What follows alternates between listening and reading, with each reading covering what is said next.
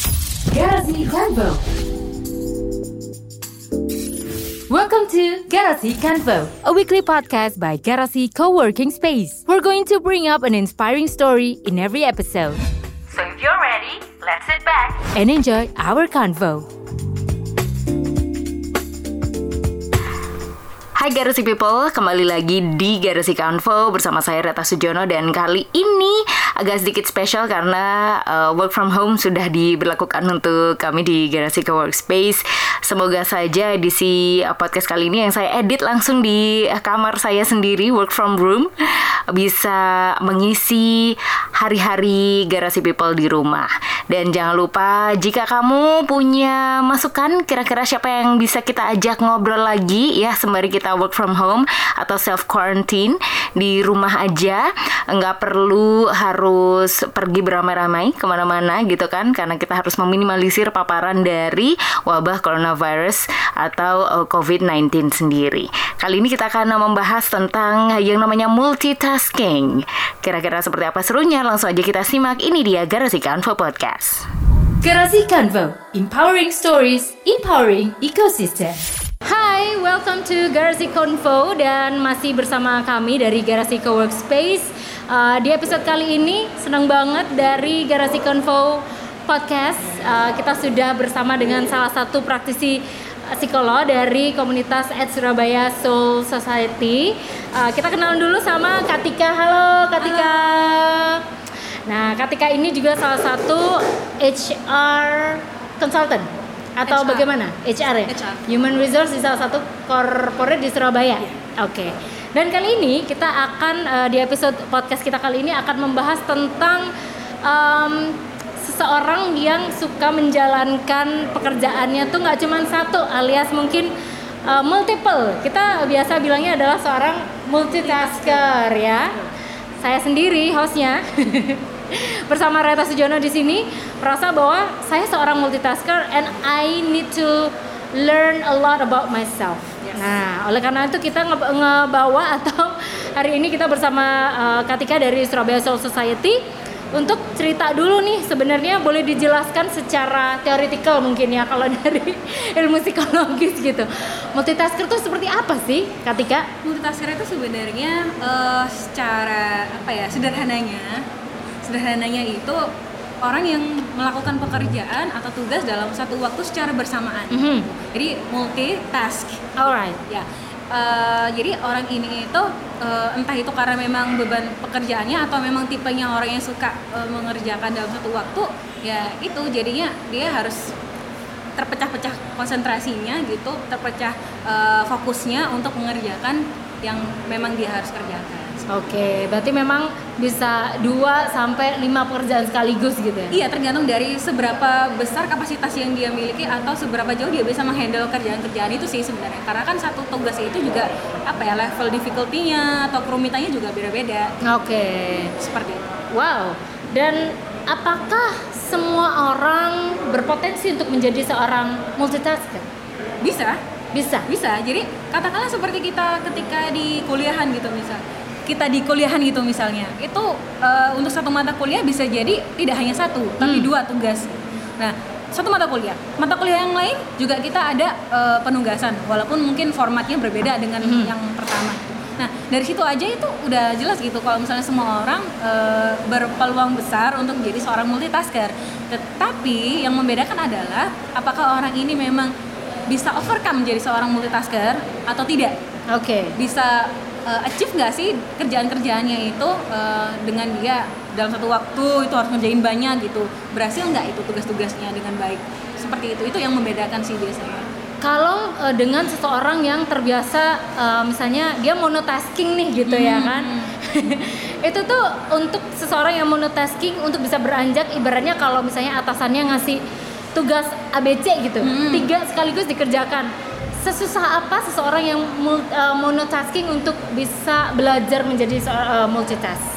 sebenarnya mau monotasking atau multitasking itu uh, ada satu poin yang memang selalu dipegang yaitu main prioritas Oh, Oke. Ya, jadi uh, kalau misalnya monotasking itu uh, apa ya tantangannya hanya di dia memang eh, harus fokus satu pekerjaan dalam satu waktu Mhm. dan itu harus dia harus mengerjakan tugas tersebut sampai selesai sampai tuntas Itu yang baru mono? mono jadi Oh, baru dia bisa beranjak ke tugas selanjutnya Hmm. nah tapi kalau misal multitasker itu bisa jadi untuk progresnya dia bisa banyak banyak tugas gitu dalam waktu yang bersamaan Tapi untuk masalah hasil orang-orang yang mono sama multi kalau dari teman-teman HR itu seperti apa melihatnya? jadi sebenarnya gini kalau Tipikalnya bagaimana nih manu- manusianya gitu ya? Eh, apa ya sebenarnya tidak ada tipologi khusus sebenarnya maksudnya tidak ada pengelompokan khusus Oh, tidak ada. Eh, Oke. jadi untuk apa namanya multitasking cuman main preferensi preferensi ini aja dari personal itu aja sih gitu atau bisa dari tipe kepribadiannya gitu nah kalau apa namanya orangnya yang memang dia eh, punya energi yang besar Hmm. bisa jadi dia eh, achieve untuk jadi seorang multitasker gitu Oke. nah tapi bukan berarti orang yang eh, cenderung pendiam dan segala macam tidak bisa menjadi multitask multitasker yang baik gitu karena bisa jadi eh, apa namanya fokusnya lebih tinggi Oke. konsentrasinya lebih tinggi nah Boleh. untuk dia mengerjakan eh, tugas-tugasnya itu bisa jadi dia detail-detailnya lebih diperhatikan bisa lebih cepat selesai Oh, Kayak gitu berarti sih. ada plus minusnya nih Yes. seorang monotasker dan juga uh, multitasker sendiri. Kalau uh, banyak ini nih stigma yang ada dalam masyarakat. Hmm. Cowok itu paling uh, lebih banyak mereka tuh sangat suka melakukan monotasking atau single tasking dibandingkan seorang wanita. Yes. Mungkin dilihat dari perannya atau role role playnya di mana kalau wanita tuh dia bisa jadi ibu rumah tangga, bisa juga kerja, bisa punya usaha Bisnis, sendiri. mm-mm. Apa memang memang apakah memang seperti itu? Maksudnya eh, secara psikologis antara genderisasi misalnya cewek dan cowok apakah memang memang terciptakan seperti itu atau bagaimana sih kalau dari ilmunya sendiri tuh kak? Jadi sebenarnya kalau eh, memang laki-laki diciptakan untuk eh, apa ya fokus pada satu hal. Kalau misalnya perempuan bisa ibarat gini, kalau misalnya ada satu eh, bukan penelitian tapi ada satu diskusi forum diskusi yang Ya. mana itu seorang ahli eh, neuro neuro Neuro- neuropsikologi. neuroscience gitu ya. Neuroscience, ya. Jadi kalau misalnya mengibaratkan itu laki-laki itu eh, konsep pemikirannya itu seperti kotak Kotak, oke. boxes. Boxes. Ya, jadi ada banyak box di dalam pikirannya. Ketika dia memikirkan sesuatu atau mengelola uh, satu informasi, itu akan diletakkan pada satu kotak tertentu. Hmm. Katakanlah dia menerima informasi baru, dia akan meletakkan informasi itu pada kotak yang memang relate, yang sudah ada. Tapi kalau misalnya seorang perempuan itu ibarat kayak kabel nyambung ke mana-mana. Wah, multi wires. Iya, gitu. jadi apa namanya eh, kabelnya di sini eh, nyambungnya ke sana. jadi bahkan ibaratnya kalau misal bagi laki-laki itu nggak make sense nyambungnya dari mana gitu Oh, kan ya. gitu. Itu jadi misalnya kalau lagi ngebahas masakan tiba-tiba Hmm. ngomong perasaan. Oke. Nah, itu kadang-kadang tapi itu bagi wanita ya relate relate aja gitu. Jadi memang dari sisi apa namanya eh, nature-nya itu memang seperti itu. gitu. Berarti make sense ya. Iya, gitu. Kenapa kadang nih cewek tuh suka lebih kalau dibilang cowok-cowok bilangnya cewek tuh ribet gitu. Kalau cowok dibilang sama cewek-cewek tuh ibaratnya kayak kamu kurang peka Ya. gitu Karena ya. memang cowok sesimpel itu. Ah. gitu. Ha, cowok sesimpel itu. That simple ternyata.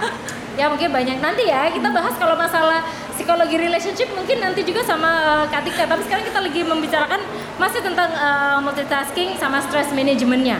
Jadi uh, untuk anak generasi milenial nih ya kan, ketika kita tahu bahwa anak-anak milenial tuh cenderung mereka suka tuh memiliki uh, talent yang lebih dari satu ya kan, multi talents.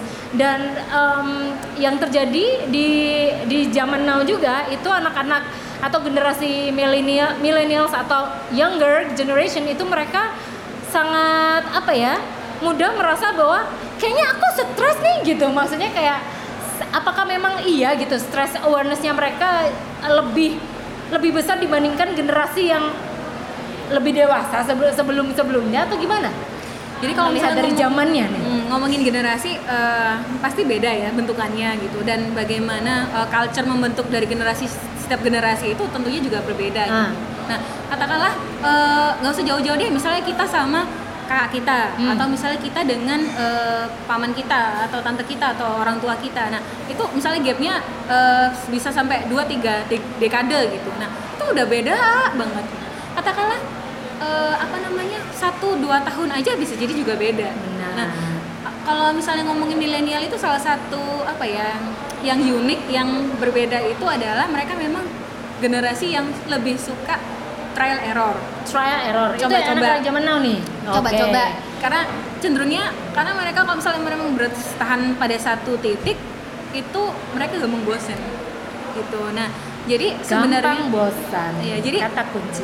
jadi sebenarnya eh, misalnya katakanlah company yang mau mempertahankan milenial itu tantangannya adalah mereka harus bisa cari variasi supaya mereka tetap ber, si anak-anak ini tetap bisa berkarya tapi juga apa ya achieve-nya atau misalnya hasil kerjanya itu juga eh, perform banget. Nah, itu sih. Jadi Wow. eh, tentunya sih ya setiap generasi bagaimana culture membentuk kita. Kemudian ya misalnya kalau dulu tidak ada teknologi sekarang teknologinya pesat banget. Nah itu kan udah gapnya kan luar biasa gitu. Teknologi satu tahun dengan tahun kemarin juga eh, apa namanya berubahnya juga sangat pesat gitu nah itu juga akan mempengaruhi bagaimana eh, generasi yang diciptakan pada eh, diciptakan di Diciptakan oleh Tuhan yang Maha Esa maksudnya generasi yang lahir pada eh, Oke, era tersebut zaman itu oke kalau misalnya ngomongin stres, iya apa ya? Saya nggak nggak nggak bisa state bahwa anak-anak uh, milenial sekarang itu stressful ya.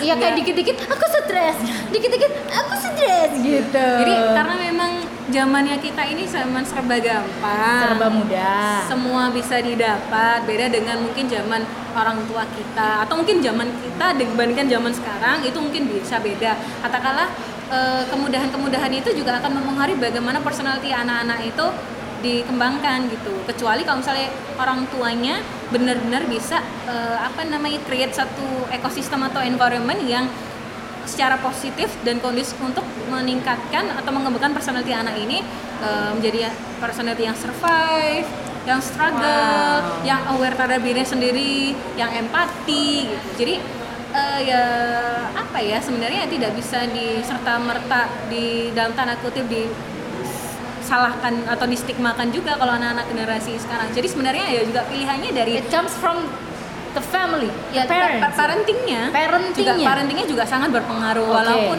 segiman ya hektik ya dunia sekarang ini teknologi dan segala macam itu hektik banget tapi kalau misalnya boundingnya dengan keluarga kemudian eh, basisnya tentang bagaimana orang tua menciptakan lingkungan yang untuk mengembangkan personality anak ini eh, sangat positif gitu ya bisa saja untuk Bisa ya counter ke Mhm. dunia yang seperti ini Aku setuju sekali dengan statement yang barusan itu bahwa mungkin untuk uh, anda-anda juga nih para garasi uh, people yang ngerasa uh, saya habis ini akan menjadi orang tua ya harus bisa menerapkan tipe parenting di mana anak tuh harus nantinya dipersiapkan untuk bisa survive dan struggle ya tentang uh, riuhnya dunia masa depan gitu. Yes, ya pasti jauh banget sama zaman sekarang gitu Yes. ya. Oke, but we're still talking about the present gitu loh atau zaman sekarang stress management untuk para pekerja ibu kota terutama mungkin Surabaya atau mungkin ada pendengar yang juga di ibu kota eh, kota-kota besar yang lainnya di Indonesia.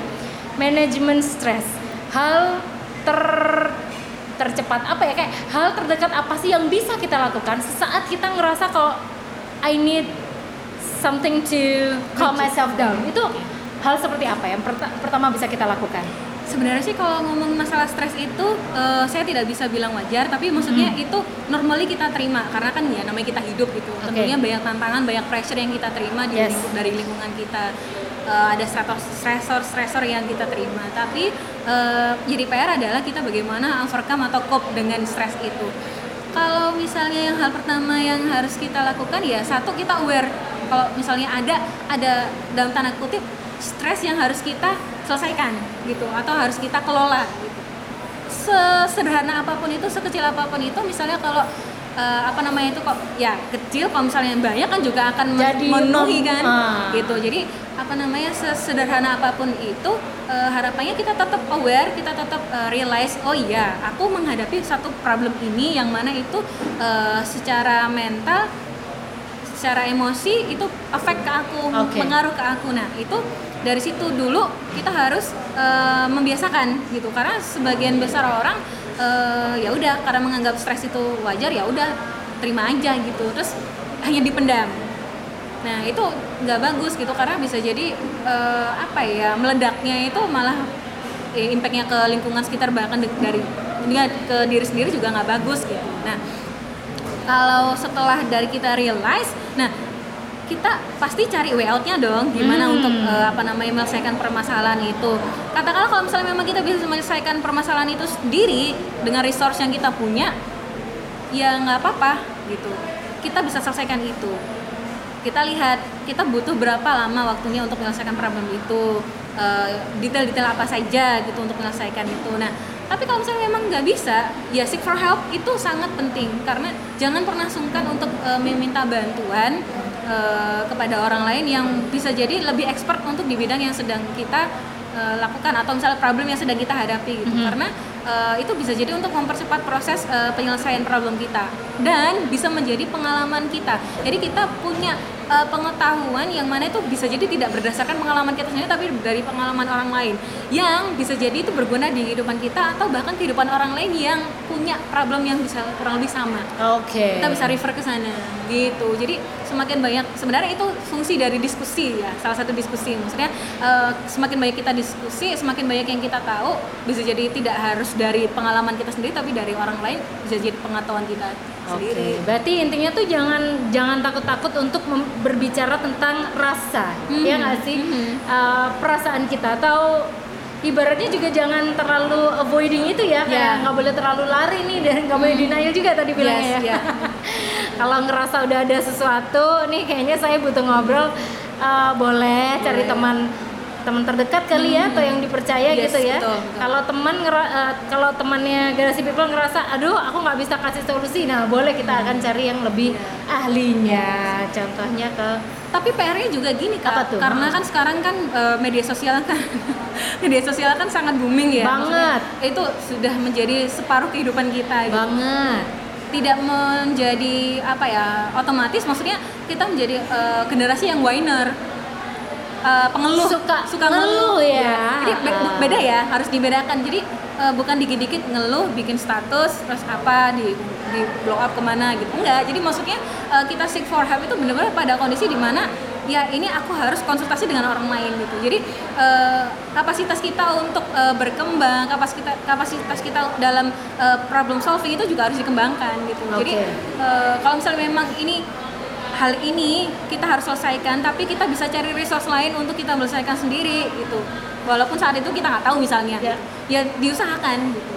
Se- se- sejauh mana sih gitu teman-teman bisa mengusahakan untuk bisa diselesaikan sendiri? Oke. itu bisa bantu mengembangkan diri kita untuk problem solvingnya gitu. Wow, sebenarnya kita tuh masih pengen banget ngobrol lebih lama lagi, tapi garasi people kita akan mungkin akan cari eh, topik-topik selanjutnya yang tentunya lebih em, apa ya challenging lagi ya. Ini adalah eh, salah satu episode di mana kita semua eh, lumayanlah dibangunkan kembali awarenessnya untuk bisa tahu lebih dalam tentang diri kita sendiri, terutama yang suka jadi multitasker, yang kerjaannya kerjaannya banyak, suka stres tapi bingung mau ke mana untuk melampiaskannya. Tadi udah kita bahas dikit sama eh, Katika ini yang juga menjadi salah satu HR di salah satu corporate di Surabaya. Plus juga eh, dia menjadi salah satu anggota atau praktisi di Ed Surabaya So Society. Thank you banget Katika untuk waktunya. Kapan-kapan kita ngobrol lagi tentang tema Boleh. yang menarik lainnya ya. Oke, that's all our episode for today for Garasi Convo podcast. Jangan lupa untuk terus stay tune di podcast channel kita dan juga follow social media kita di Instagram at garasi.coworkspace Of course, Facebooknya juga sama at garasi.coworkspace Empowering Ecosystem